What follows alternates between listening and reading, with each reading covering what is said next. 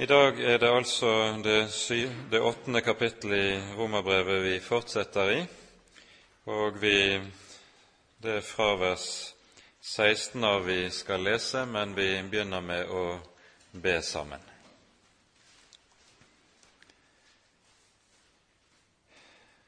Kjære gode Herre, hellige Gud og trofaste Far. Så er vi kommet sammen i ditt hellige navn på ny.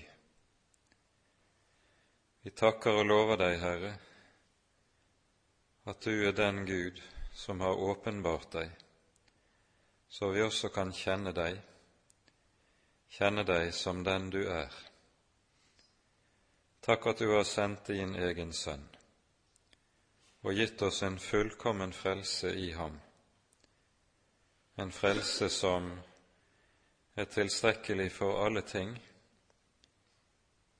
tilstrekkelig til at vi også kan nå ditt fullkomne rike. Så ber vi, gode Herre, vær hos oss denne kveldsstunden med din ånd. Åpenbar ordet ditt for oss, og gi oss nåde til å ta det til hjertet, slik at også ordet kan gjøre sin gjerning og bære frukt i våre liv. Herre, kom du. Amen.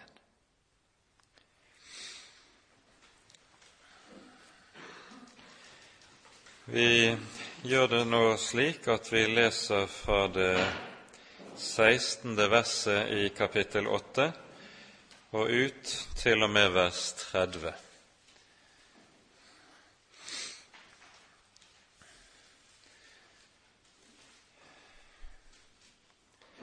Ånden selv vitner med vår ånd at vi er Guds barn.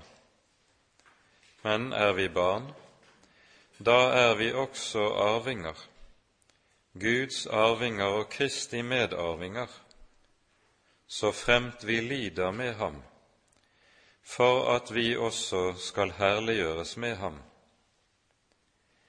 For jeg holder for at den nærværende tids lidelser ikke er å akte mot den herlighet som skal åpenbares på oss, for skapningen lenges og stunder etter Guds barns åpenbarelse. Skapningen ble jo lagt under forgjengelighet, ikke godvillig, men etter Hans vilje som la den derunder i håp om at også skapningen skal bli frigjort fra forgjengelighetens trelldom til Guds barns herlighetsfrihet. For vi vet at hele skapningen til sammen sukker og er til sammen i smerte inntil nå.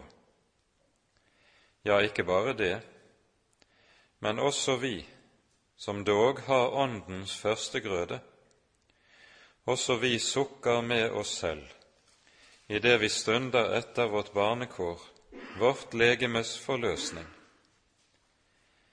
For i håpet er vi frelst, men et håp som sees, er ikke noe håp. Hvorfor skulle en håpe det som han ser? Men dersom vi håper det vi ikke ser, da stunder vi etter det med tålmod. Men i like måte kommer også Ånden vår skrøpelighet til hjelp, for vi vet ikke hva vi skal be om, slik som vi trenger det, men Ånden selv går i forbønn for oss med usigelige sukk. Og Han som ransaker hjertene, vet hva Åndens attrå er, for etter Guds vilje går han i forbønn for de hellige. Og vi vet at alle ting tjener dem til gode som elsker Gud, dem som etter Hans råd er kalt. For dem som Han forut kjente, dem har Han også forut bestemt til å bli likedannet med Hans Sønns bilde for at han skulle være den førstefødte blant mange brødre. Og dem som han forut bestemte, dem har han også kalt. Og dem han kalte, dem har han også rettferdiggjort.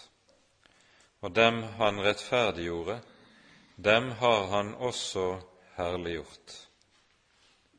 Amen. Det avsnittet som vi nå har gått inn i, det eh, slutter seg umiddelbart til det vi har lest tidligere i kapittel 8, der Paulus taler om vandringen i Ånden, og hvorledes det kristne liv, i motsetning til det å leve i kjødet, altså er et liv i Ånden, dvs. Si styrt av Guds hellige ånd, som er gitt til alle som tror i og ved evangeliets forkynnelse. Og så hører vi at denne Guds ånd, den er en ånd som på avgjørende måte skiller seg fra trelldommens ånd. Dette talte vi en del om sist gang og derfor kalles i stedet for barnekårets ånd. Trelldommens ånd hører loven til, og sammen med den hører også frykt, det at et menneske stadig går i engstelse overfor Gud at for at en skulle ikke ha gjort tilstrekkelig til at en kan eie Guds velbehag. Trelldommens ånd spør alltid har jeg nå gjort nok, mens barnekårets ånd, det er en ånd som hviler i at Jesus har gjort nok til at jeg på det grunnlaget kan eie barnekår hos Gud, har den frimodige tilliten at Gud er min far og derfor også sørger for meg som en far for barna sine. Dette er det vi har lest om i det foregående. Og så hører vi nå at Paulus sier, er vi barn, da er vi også arvinger, Guds arvinger og Kristi medarvinger så fremt vi lider med ham. Og så kommer det et avsnitt som strekker seg herfra og til vers 23, som taler om de troendes lidelse, de troendes smerte her i verden. Og det kan være godt for oss å være oppmerksom på at Paulus her nettopp etter å ha talt om vandringen i Ånden, så umiddelbart begynner å tale om at det å være en kristen, det er å dele kår med Jesus, altså også ha del i hans lidelse.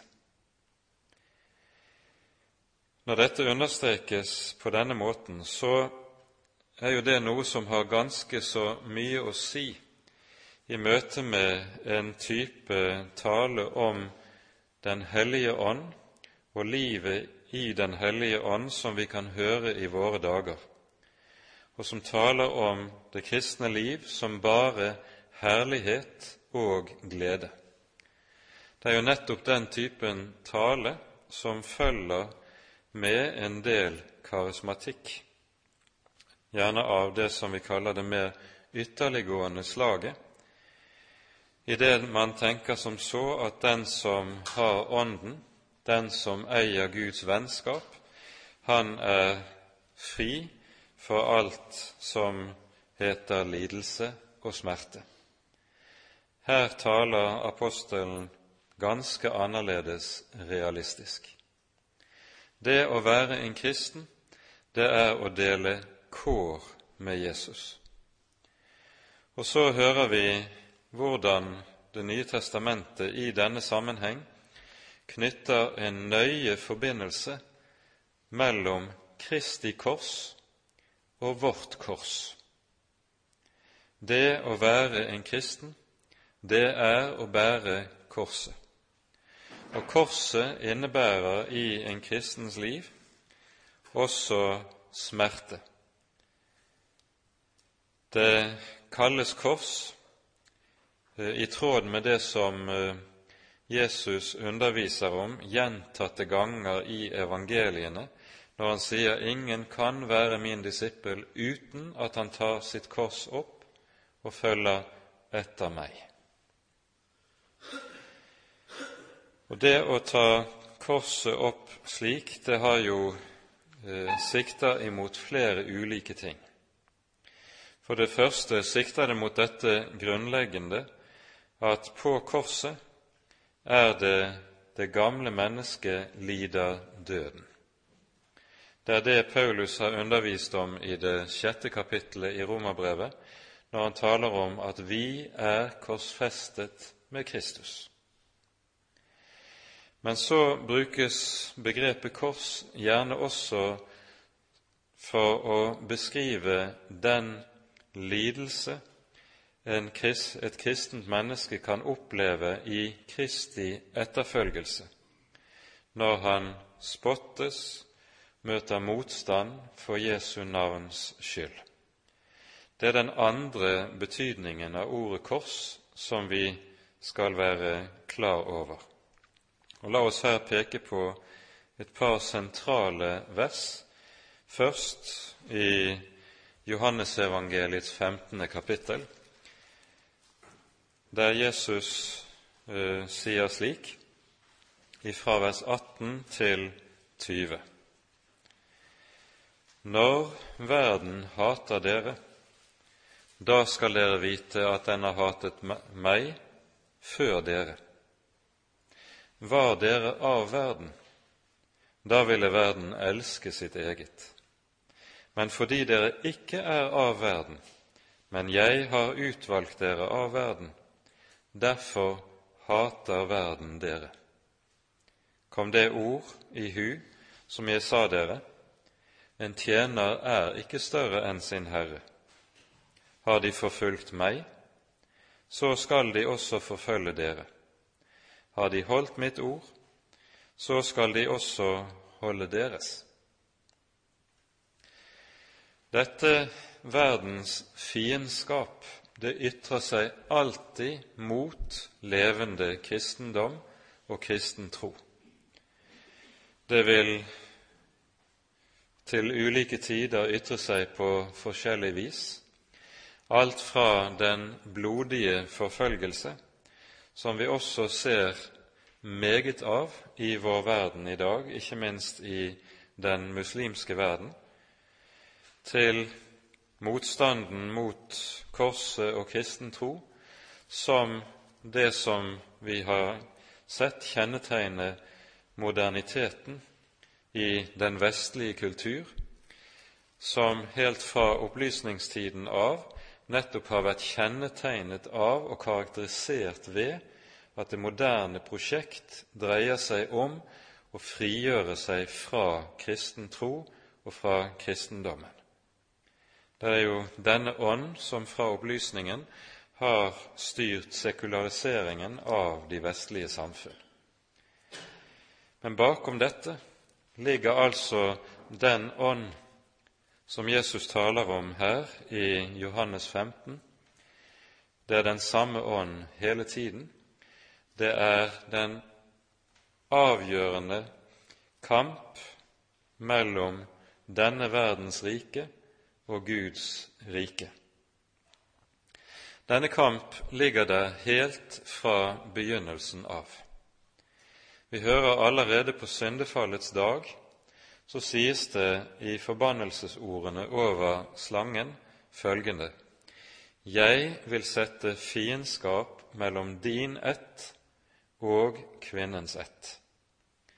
Og Dette fiendskapet mellom slangens ett, som altså representeres ved det som kalles verden i Det nye testamentet, og kvinnens ett, det er altså Messias rike, dette fiendskapet, dette motsetningsforholdet, det er så å si historiens hovedtema, slik som vår bibel taler om det. Det som ligger i dette fiendskap, det uttrykker Jesus meget kortfattet og komprimert i det 17. kapittelet i Johannesevangeliet, der det står slik Jeg har gitt dem ditt ord, og verden har hatet dem, fordi de ikke er av verden, like som jeg ikke er av verden. Vi merker oss tekstsammenhengen i dette verset. Jesus knytter sammen dette at han har gitt sine venner, disiplene, sitt ord, og så hater verden dem av den grunn. Det verden hater hos de troende i den kristne menighet, det er Kristi ord som er lagt ned i troens folk, og som dette troens folk har som kjennetegn. Dette er det de bærer frem, som de løfter frem, det er deres vitnesbyrd. De hater dette ord, og så sies det om Jesu venner de er ikke av verden, like som jeg ikke er av verden. Jesus sier tidligere i Johannesevangeliet om seg selv, til forskjell fra en gruppe fariseere som han der står i ordskiftet med, dere er nedenfra, jeg er ovenfra, dere er av denne verden, jeg er ikke av denne verden. Men om sine disipler sier Jesus altså de er ikke av verden, like som han ikke av verden. De er født ovenfra, nemlig av Faderen, like som Jesus selv kommer ovenfra. Og det de dermed blir gjenstand for, er det vi kunne kalle denne verdens fremmedhat. Vi vet jo litt om hva fremmedhat er. Vi har sett mye av det i vårt eget land også de siste 20 år. Fremmede folk kommer til vårt land, og så møtes de av motvilje, fiendskap, frykt, og mye av denne motviljen har som kjennetegn spørsmålet Hvorfor kan ikke dere være som oss? Hvorfor skal dere være annerledes? Og Det er på sett og vis samme spørsmålet som denne verden stiller til Kristi menighet. Hvorfor skal dere absolutt være annerledes? Og så melder fiendskapet seg, fiendskapet som altså henger sammen med dette at Guds folk er det hellige folket, som altså er det annerledes folket. Fordi det er slik, så skriver Peter i sitt første brev til menighetene som han der taler til. Vi leser 1. Peters brev, kapittel 4, fra vers 12 slik. Dere elskede, undre dere ikke over den ild som kommer over dere til prøvelse, som om det hendte dere noe underlig men i samme mann som dere har del i Kristi lidelse, skal dere glede dere, for at dere også i Hans herlighets åpenbarelse kan glede dere med jubel. Om dere hånes for Kristi navns skyld, er dere salige, for herlighetens Guds ånd hviler over dere. Dette er korset. Det å bære motstand, forakt, hat, motvilje for Jesu navns skyld. Og apostelen sier altså dette er noe de kristne aldeles ikke verken må være overrasket over eller undre seg over. Det er helt naturlig slik som det skal være. Og så skal, sies det her i samme mann som dere har del i Kristi lidelser, skal dere glede dere. Underlige ord.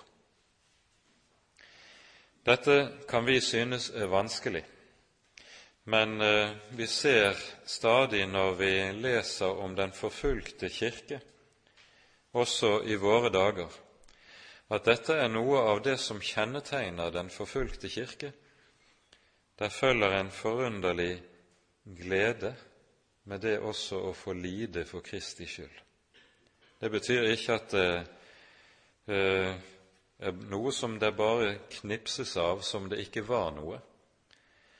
Men det å lide for Jesu navns skyld, det bærer i seg et særlig løfte. Herlighetens Guds ånd hviler over dere, sies det. Og det ser vi stadfestes der hvor den lidende kirke lever.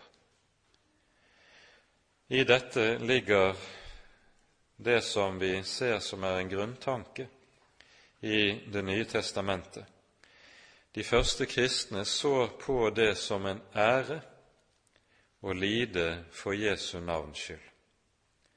Vi hører jo det sies om Peter og Johannes i apostelgjerningene fem, når de har fått stokkeslag eh, for Det høye råd. Så står det om dem de gikk ut glade fordi de var aktet verdige til å lide for Kristi navns skyld.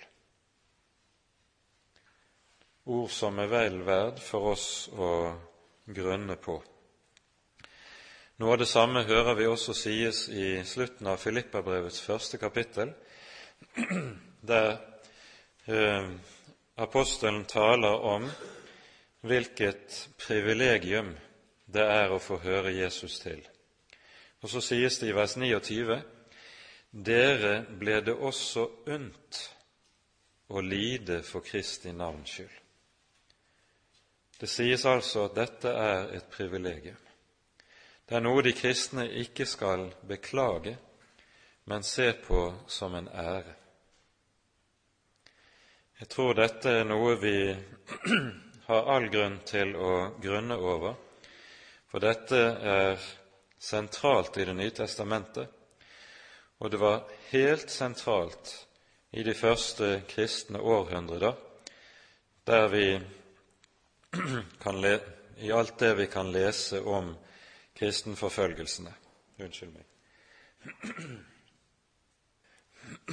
Dette er altså den andre siden ved det som vi kaller korset i det kristne liv. Men det må også nevnes en tredje side. Og det har med den mer allmenne lidelse som troende mennesker også kan komme til å oppleve. Når vi opplever motgang, sykdom, nød, trengsel her i verden. Det behøver ikke å være for Jesu navns skyld, men en del av den lidelse som hører med til denne verden. En kristen har ikke fått noe løfte om fritak fra motgang og lidelse. Det er jo noe som vi av og til hører eh, lyde i eh, enkelte retninger som vi gjerne kaller for herlighetsteologiske. Bare bli en kristen, bare kom til Jesus, så skal alle problemer løse seg. Bare bli en kristen, så skal du bli frisk for en kristen skal slett ikke behøve å være syk. Eh, den slags toner dukker med jevne mellomrom opp innenfor kristenheten, og det er bare én ting å si om det. Det er vranglære, og det røper en forunderlig evne til å lukke øynene for virkeligheten. Som regel er det slik at den slags forkynnere før eller senere får et virkelig hardt møte med virkeligheten, når de selv blir syke, når de selv må oppleve lidelse og alvorlig smerte. Da får gjerne pipen en ganske annen lyd. Men dette, når det rammer en kristen, så kaller vi gjerne også det for korset. Og Dette hører med til det som er kårene i den verden vi lever i. Disse kårene henger jo sammen med det som lød på syndefallets dag.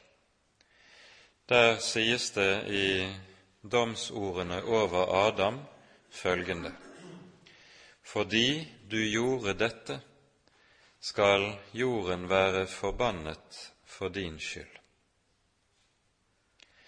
Den forbannelsen som rammer skaperverket etter syndefallet, den bærer i seg alt det vi kaller for sykdom, ulykker, nød, trengsel, motgang, sorg og lidelse, som mennesker kan rammes av. Og dette er en del av det som er livsvilkårene i det skaperverk vi lever i, i syndens verden. Og slik kommer det til å være i denne vår verden helt til dens ende kommer, til Jesus kommer tilbake og gjør alle ting nye. Og Derfor må også troende mennesker regne med å rammes av lidelse på samme måte som andre mennesker. Men troende mennesker skal vite det som vi lærer i dette avsnittet som apostelen her skriver. Alle ting tjener dem til gode som elsker Gud. Det vil si også det som smaker vondt, som er bittert, som volder meg lidelse, det lar Herren vende på en slik måte at det likevel er meg til gagn, at det likevel blir meg til velsignelse. For det er jo dette som er hemmeligheten med korset i en kristens liv. Korset, om det aldri som mulig bærer med seg smerte, så gir det velsignelse. Jeg korsfestes med ham for at jeg skal oppreises med ham. Jeg dør med ham for at jeg skal leve med ham. Og disse to ting hører uløselig sammen. Dette kalles gjerne også for korsets teologi. Og slik anvender Gud korset, motgang og lidelse, til gagn for sine barn. Her kunne det være verd å minne seg selv om noe av det som eh, bes i morgenbønnen i synagogen daglig. Det er ordene som er hentet fra Jesaja-bokens 45. kapittel, tredje vers, der Herren sier om seg selv:" Jeg, Herren, er lysets opphav og mørkets skaper, den som gir lykken og skaper ulykken. Og dette, det, dette ordet bes i innledningen til morgenbønnen som en velsignelse, som lyder slik:" Velsignet være du, Herre vår Gud, himmelens og jordens konge, som skaper lyset og skaper mørket, som gir lykken og skaper ulykken. Dette folket som har lidd mer enn noe annet folk, de begynner altså hver dag med å love og prise Gud fordi Han ikke bare er den som gir lyset, men også mørket. I dette ligger det en dybdeforståelse av hvorledes den levende Gud fører, hvorledes han virker, hvorledes han arbeider og slik bruker både lykke og ulykke, både lys og mørke, i sitt arbeid på menneskenes liv og menneskenes hjerter. Kanskje vi skulle lære oss å love og takke Gud på samme måte daglig. For det er jo noe av dette som ligger bak det apostelen skriver i en annen sammenheng, når han sier 'takk Gud for alle ting', både for lyset og for mørket. For det er nettopp slik at selv det som er mørkest, det har det med seg at det tjener dem til gode som hører Herren til. Han anvender selv det til velsignelse, til liv. Men det er ikke lett å takke for det. Og her står vi overfor ting som det slett ikke skal tales lettvint om heller. Men her møter vi noe som er en grunntanke i Bibelens åpenbaring. Herren er den som døder og gjør levende, fører ned i dødsriket og opp igjen. Han er den som gjør fattig og gjør rik, som nedbøyer og opphøyer, som vi leser det i Hannas lovsang i 1. Samuel 2. Det er jo gjerne slik i våre dager at spørsmålet stilles eh, når mennesker står overfor smerte og lidelse. Hvorfor skulle dette ramme meg? Man burde snu dette spørsmålet på hodet og si hvorfor skulle det ikke ramme deg når det rammer alle andre? det gir en sunn nøkternhet og realisme i forhold til det som er våre kår her i verden. Det å høre Herren til gir ingen garanti for å slippe verken motgang eller smerte. Men det, gir, det å høre Herren til gir et veldig løfte til motgang og smerte. Herren lar det bli til velsignelse i sine små barns liv. Når Paulus peker på det vi her er inne på, så peker han i de påfølgende versene på det som også skal være trøsten, og som en kristen skal holde frem for seg selv når han opplever slike tunge ting i livet. Det første som han minner om, er håpet. Jeg holder for at den nærværende tids lidelse ikke er å akte mot den herlighet som skal åpenbares på oss. Han legger så å si eh, lidelsen og håpet i hver sin vektskål og stiller spørsmålet hva veier tyngst? Og så vet han noe om det som vi kaller evighetens perspektiv. Det å få lov til å se sitt liv og sin smerte i evighetens perspektiv, det innebærer at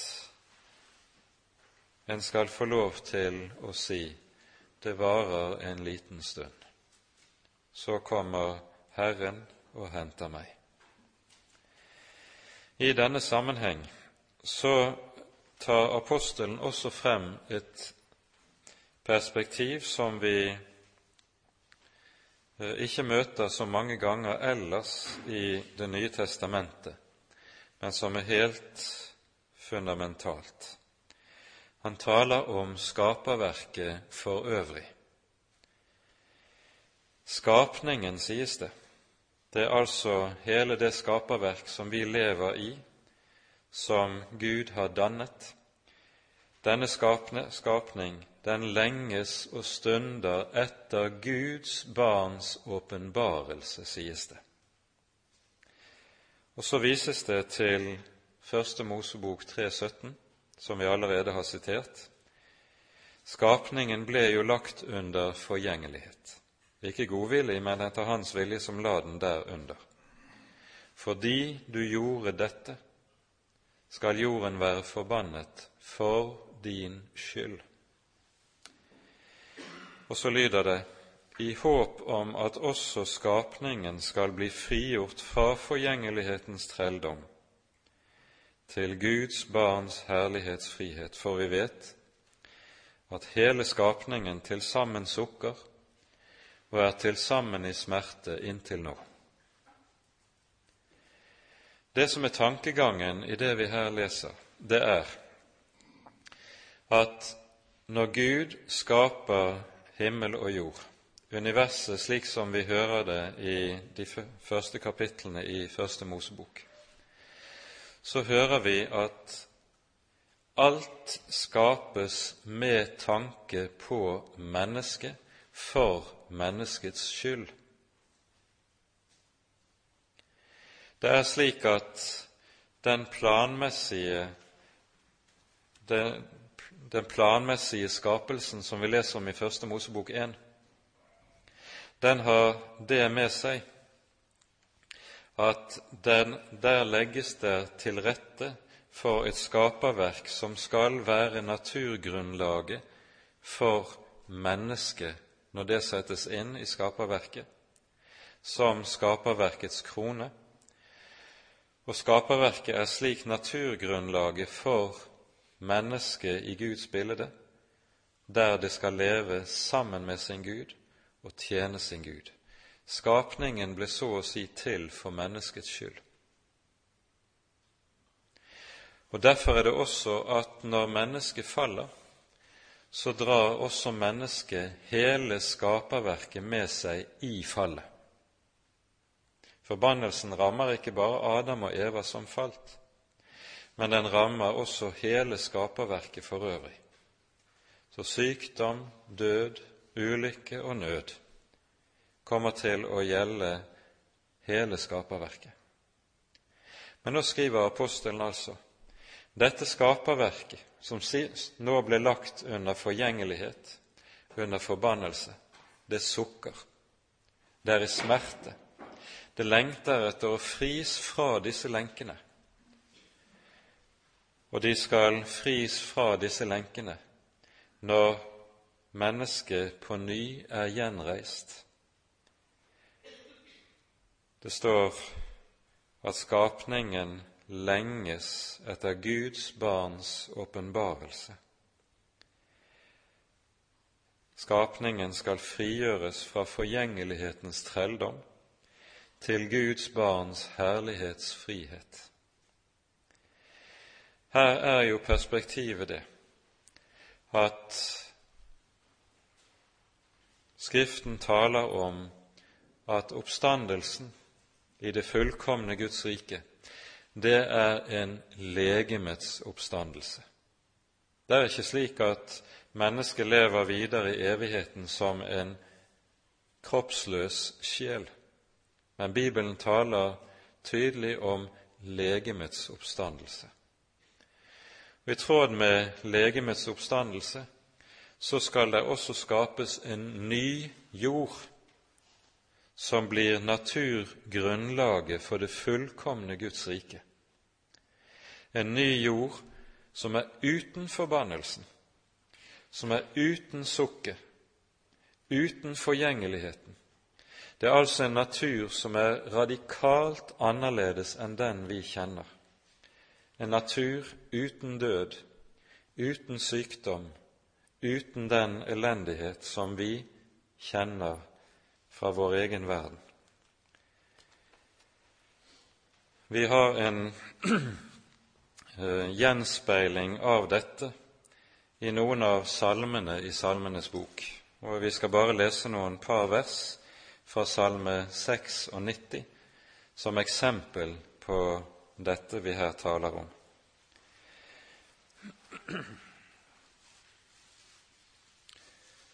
Her leser vi fra vers 11. Himmelen glede seg og jorden fryde seg, havet bruse og alt det som fyller det. Marken fryde seg og alt det som er på den.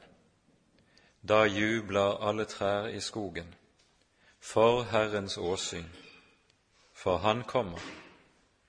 Han kommer for å dømme jorden han skal dømme jorderiket i rettferdighet og folkene i trofasthet. Det vi her hører, er nettopp budskapet om hvordan hele naturen, når Han kommer, skal bryte ut i jubel. Den natur som i dag sukker og er i smerte, den skal også forløses. Da klapper alle trær i skogen i hendene. Vi møter lignende toner en rekke andre, i en rekke av de andre salmene i Salmenes bok også. Men det er dette som er perspektivet i det vi hører i løftet. Der skal komme nye himler og en ny jord, der rettferdighet bor. Der en forløst menneskehet som skal leve i et forløst skaperverk. Og dette forløste skaperverk er naturgrunnlaget for det fullkomne Guds rike. En natur som bærer noe av det samme med seg som vi leser om fra paradiset på Bibelens første blad, der den levende Gud skal vandre i hagen sammen med sine barn, og de skal få ete av livets tre.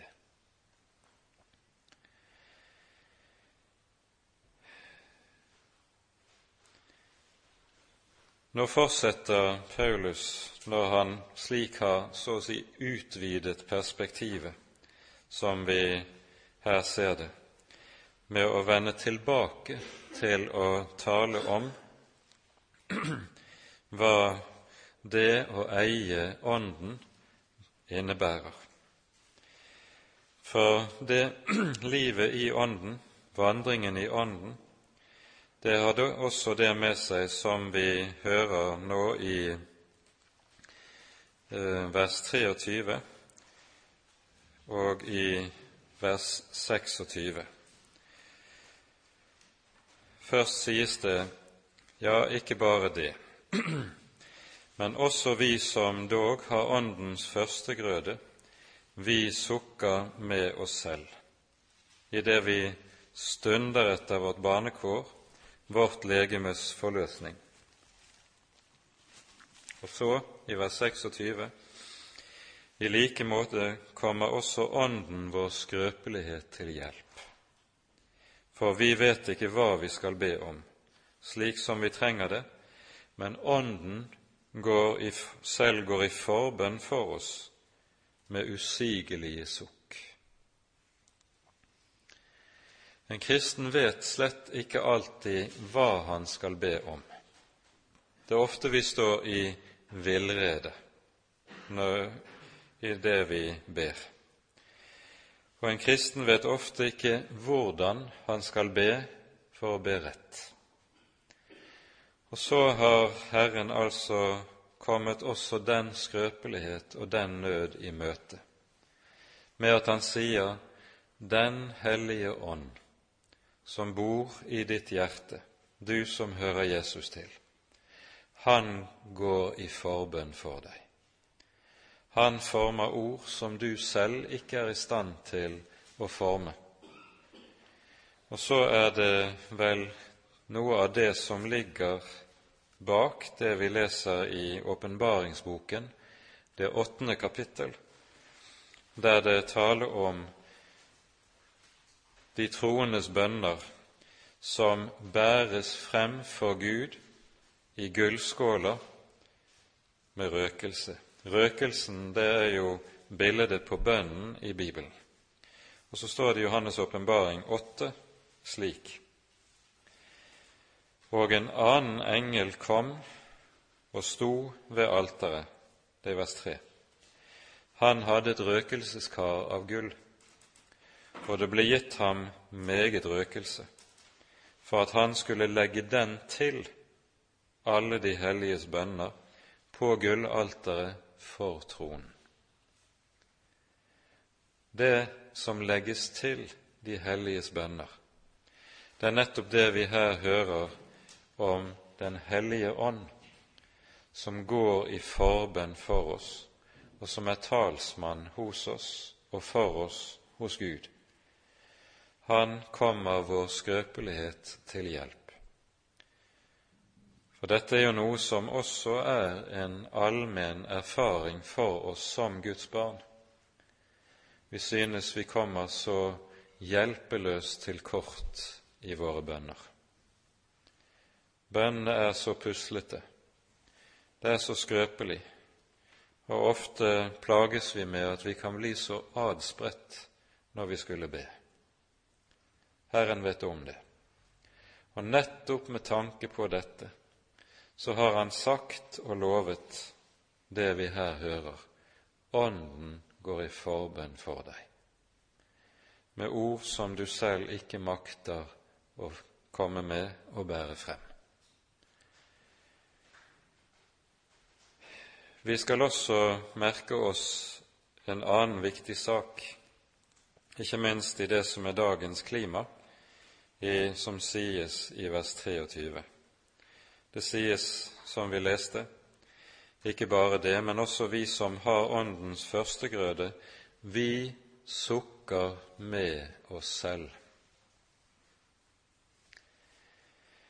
Vi får jo i dag høre ganske mye om at det som eh, det kristne liv skal være, det skal bare være jubel og lovsang.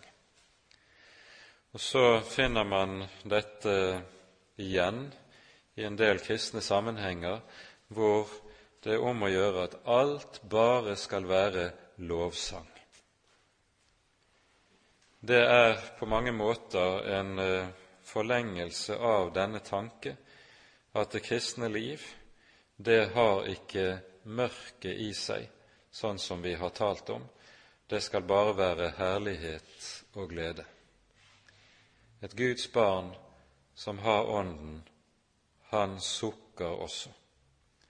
Og Derfor har den kristne salmeskatten, også det vi leser i Salmenes bok, ikke bare lovsanger, men det har også klagesanger, klagerop liggende i seg.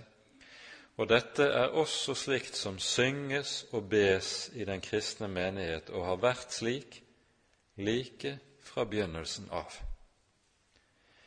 Der hvor det blir slik at det bare er lovsang og jubel og glede, der er det også slik at det fører med seg både åndelig overfladiskhet og det fører med seg et falskt perspektiv på hva det vil si å være en kristen.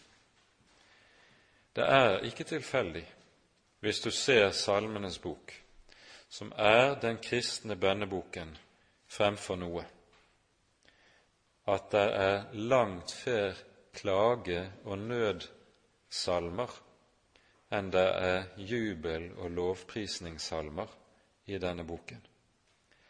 Slik er det fordi den troendes liv nettopp er et liv der også lidelsen og korset kan sette sitt sterke preg på det som er vandringen. Derfor altså, i Ånden så kan vi også sukke og klage. Og Herren har gitt oss lov til det, det ser vi meget tydelig når vi leser Salmenes bok. Apostelen peker så videre på, som vi hører det, i håpet er vi frelst. Men et håp som sees, det er ikke noe håp. hvorfor skulle man håpe på det en ser? Men dersom vi håper det vi ikke ser, da stunder vi etter det med tålmod.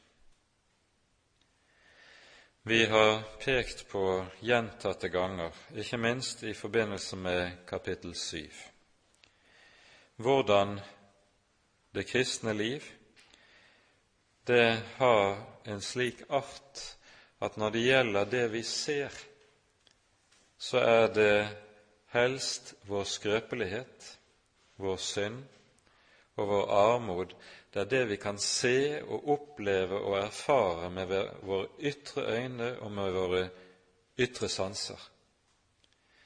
Mens den sannhet som forkynnes for oss i romerbrevet, at vi i Kristus er fullkomment rettferdige, det ser du ikke.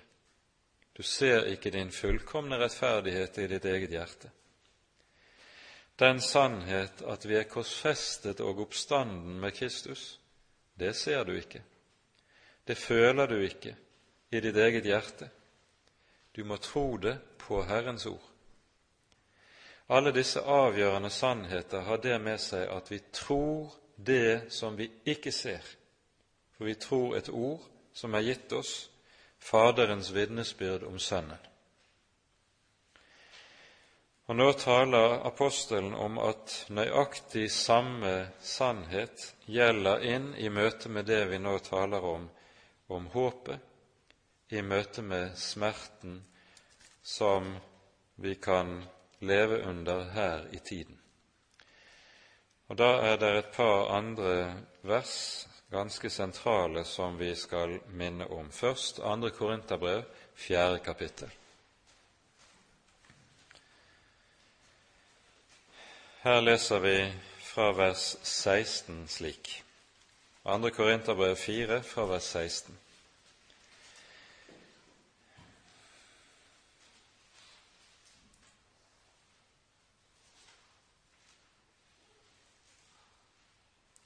Derfor taper vi ikke motet. Men om òg vårt utvortes menneske går til grunne, så fornyes dog det innvortes dag for dag.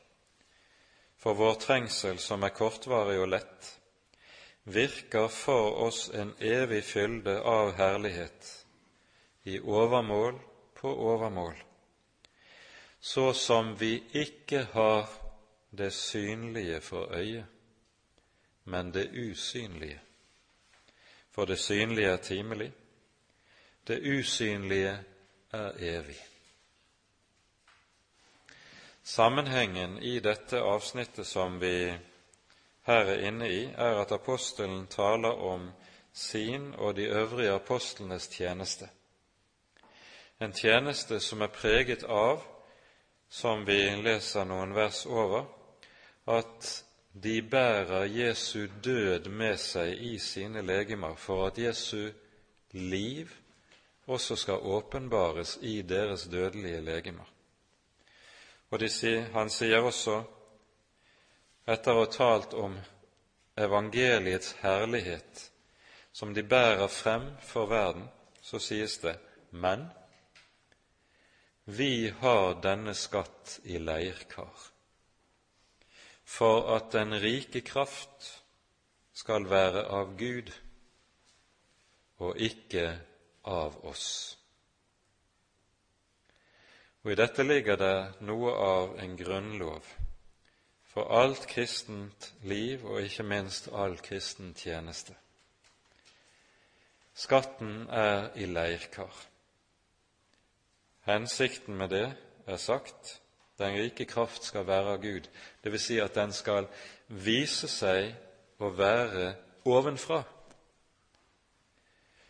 Når evangeliet åpenbares med ånds- og kraftsbevis, som vi kan høre skjer ved apostelen og det han taler om ved flere anledninger, så førte det ikke til at folk reagerte slik at de tenkte her er det en stor mann.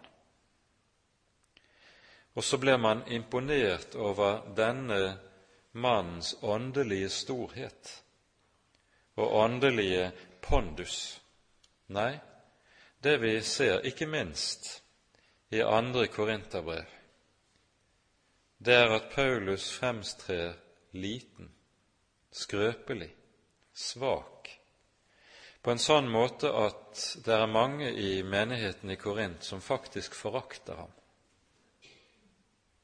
Han var slett ikke noen imponerende åndelig skikkelse som alle nesegrus beundret. Og så sier han oss altså hvorfor det er slik.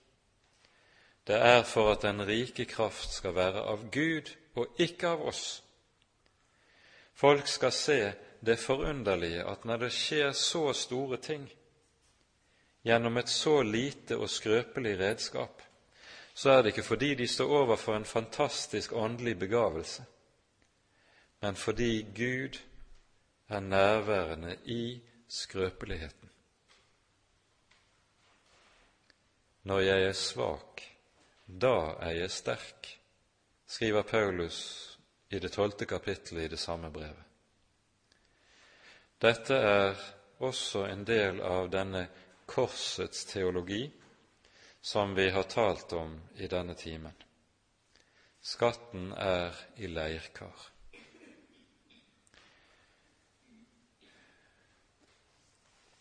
Og så forblir Paulus skrøpelig. Så må Paulus beholde tårnen i kjødet, som han inderlig ber Gud om å slippe unna og bli fri. Og så avvises bønnen av Herren med følgende ord:" Min nåde er deg nok. For min kraft fullendes i skrøpelighet. Her møter vi det som er noe av den dypeste hemmelighet i all sann kristendom.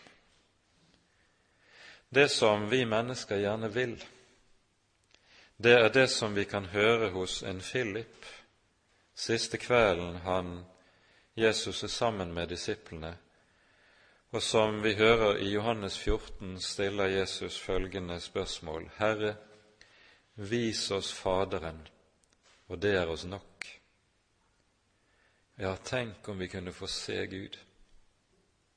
Hvor herlig ville ikke det være? Hvor vidunderlig ville ikke det være? Tenk om vi så også kunne se Guds arm slik, på en slik måte at det viste seg i lykke og fremgang og herlighet og ære. Paulus må beholde tårnen i kjødet og får høre 'Min nåde er deg nok'. Han får ikke se Faderen. Han får ikke se Guds herlighet, men like som Moses får han se Herren bakfra. Altså Guds herlighet åpenbares gjennom nød, gjennom trengsel, gjennom det som er skrøpelig. For når jeg er svak, da er jeg sterk. Det innebærer at Gud på denne måten så å si skal lære oss og tvinge oss på den måten at vi får blikket rettet mot det usynlige ikke det synlige. For Gud vil ikke her i verden bli kjent gjennom det som er synlig. Han vil la seg kjenne gjennom det som er usynlig. Og så har han skjult seg, skjult sin store herlighet, på en slik måte at herligheten åpenbares i vannmakt og skrøpelighet. Forunderlig er Guds vei, men dette er det som er så å si grunntonen. Vi vender tilbake til første Peters brev før vi setter punktum, og leser fra første kapittel slik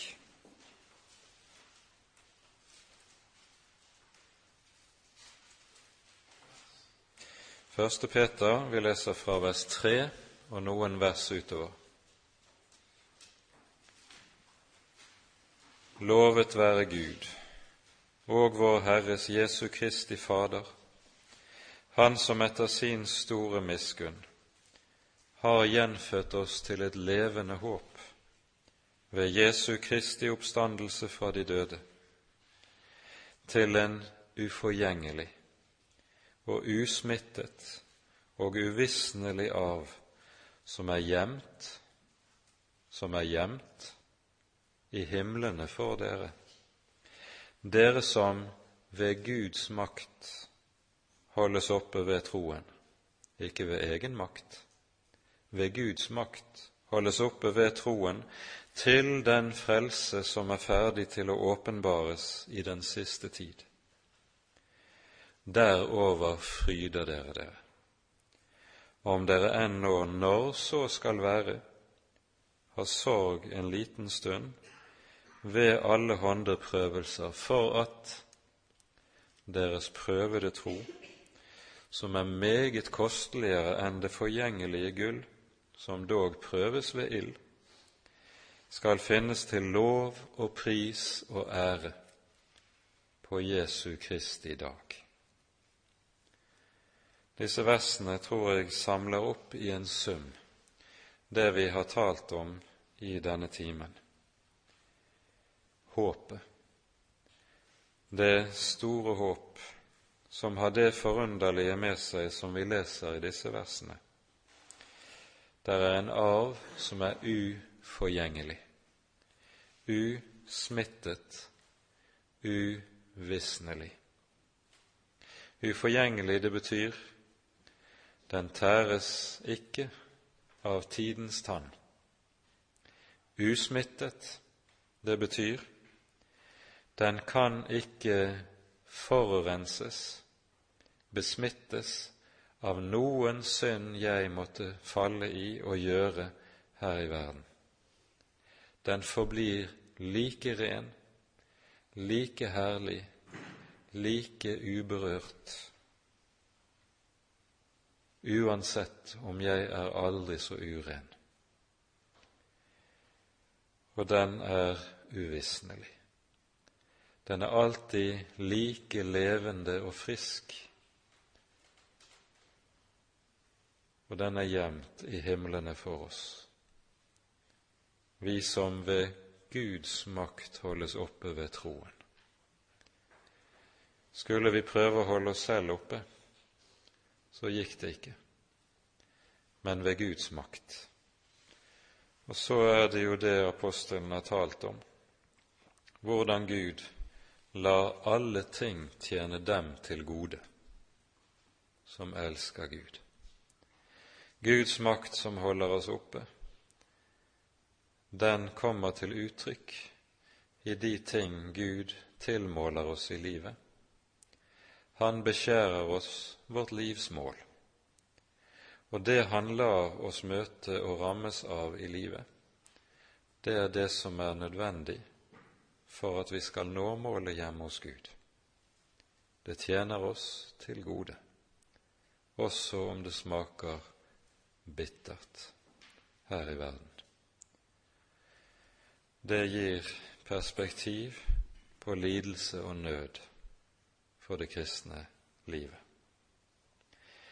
Ære være Faderen og Sønnen og Den hellige ånd, som var og er og være skal, en sann Gud, høylovet i evighet. Amen.